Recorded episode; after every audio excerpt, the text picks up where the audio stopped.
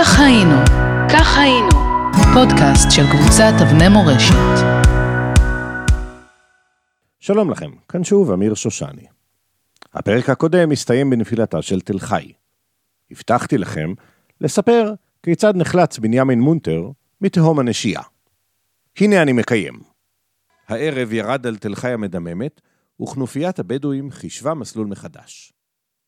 יום הקרב שיזמו, מין שעשוע ביזארי לסוף החורף שפרס נחמד בצידו, יצא לכל הדעות מכלל שליטה. במקום שלל של כמה פרות רזות ואוסף תרנגולות מקרקרות, התגוללו בשדה חמש גופות של חברי כנופיה ועוד 12 פצועים מדממים.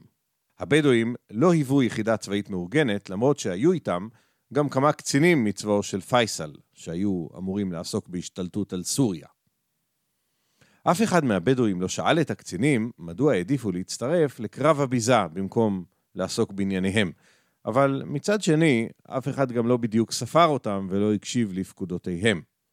בשלב הזה סמכו הכנופיונרים על כך שמנהיגם, קמיל אפנדי בן ה-20, הצליח לצאת שלם מחצר תל חי, ובנסיבות שהתפתחו, העדיפו כולם ביחד, וכל אחד מהם לחוד, לבצע שיפור עמדות לאחור, אלו עוליהם, להתגודד במעגלים סביב מדורה השינה, ספלוני קפה בידיהם וסיפורי גבורה בלשונם, ולתכנן בנחת את ה-thair, את נקמת הדם, שיביאו על הציונים החצופים. מחר, אולי מחרתיים. מכפר גלעדי הגיע בינתיים דוקטור ג'ורג' גרי, מלווה בתגבורת, והחל לטפל בפצועים של תל חי. אחד מאנשי התגבורת, אברהם הרצפלד, עלה אל הקומה השנייה, ואת חלקי הגופות שראו עיניו הוא בחר לתאר בתיאור פלסטי מחריד, עליו אני מעדיף לדלג. ברם, משפט אחד שכתב על בנימין מונטר יהפוך משמעותי לאחר שנים. כך הוא כתב: על ידו שכבה שרה. כנראה שהוא כל הזמן הגן עליה. קרועה פחות ממנו, וכמו שאפשר להבין, יצאו נשמותיהם ברגע אחד. וזהו. שמונה שנים חלפו, והוועד הלאומי יצא בתחרות להקמת אנדרטה ראשונה בארץ להנצחת זכרם של, כך הם הגדירו אותם, יוסף טרומפלדור וחבריו. חיים נחמן ביאליק ואנה טיחו קישטו את רשימת השופטים, ואף אחד לא הרים גבה לנוכח השתתפותה בתחרות של הפסלת בתיה לישנסקי, אחות אשתו של חבר הוועד הלאומי יצחק בן צבי. היום זה כנראה לא היה עובר. בתחרות, בתיה לישנסקי לא זכתה, אבל סיפור תל חי הותיר בליבה משקעים עמוקים. או אז פורצים מאורעות תרפ"ט, ועשרות יהודים מגלים באיחור קריטי עד כמה חייהם זולים בעיני השלטון המרכזי הבריטי. הפועלים בחוות חולדה, מונטר שלנו היה שם, זוכרים? מתחילים להבין שהם הבאים בתור לביזה, אונס ורצח מידי שכניהם, ופונים בתחינה לארגון ההגנה בתל אביב שישלחו להם תגבורת. יעקב אברמזון מההגנה מקבל על עצמו את התפקיד, ועוד הוא מתארגן, בא אליו בחור רציני, מבקש להצטרף לאירוע, ואברמזון מצרף אותו בברכה. לבחור קראו אפרים צ'יזיק, אח של שרה מתל חי, אם לא קישרתם. למחרת פורץ הקרב האחרון של חוות חולדה, שמסתיים בכך שהבריטים מפנים את כל המגנים מהמקום לאחר חצות הלילה. בעצם, לא את כולם. בשטח נשאר הרוג אחד. אפרים צ'יזיק, זיכרונו לברכה. למשפחה ההמומה שמחפשת את יקירה, נאמר שהבריטים לא הסכימו לקחת אותו באיזו אמתלה מטומטמת, אבל הם שואלים שאלות קשות, וכל תשובה שמקבלים מתגלה כ... איך נגיד את זה בעדינות? לא מדויקת.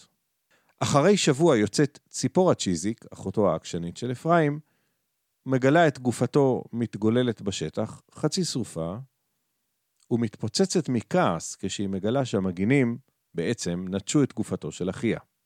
אבל המשפחה מחליטה לתעל את רגשותיה למקום טוב, ולדגל נקראת, שוב, בתיה לישנסקי.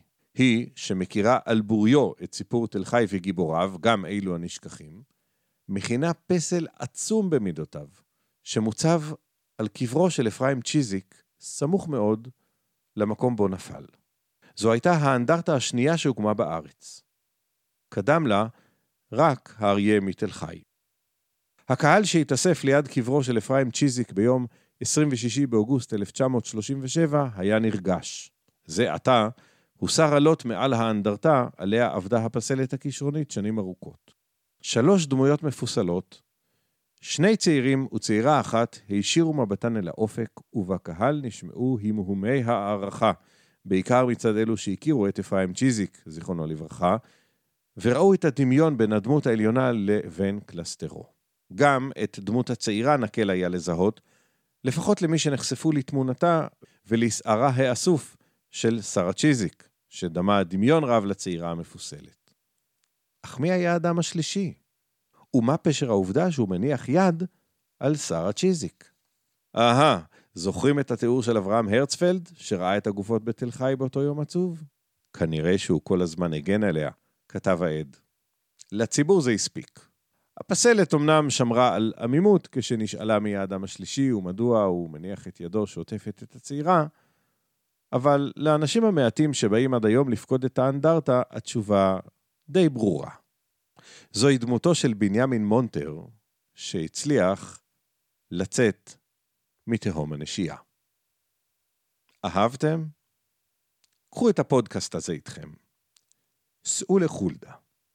עמדו ליד אנדרטת עבודה והגנה, והשמיעו אותו לעצמכם ולמי שיהיו שם איתכם. אני רק מזהיר אתכם. פתאום, כנראה תבכו. כך היינו, כך היינו, פודקאסט של קבוצת אבני מורשת.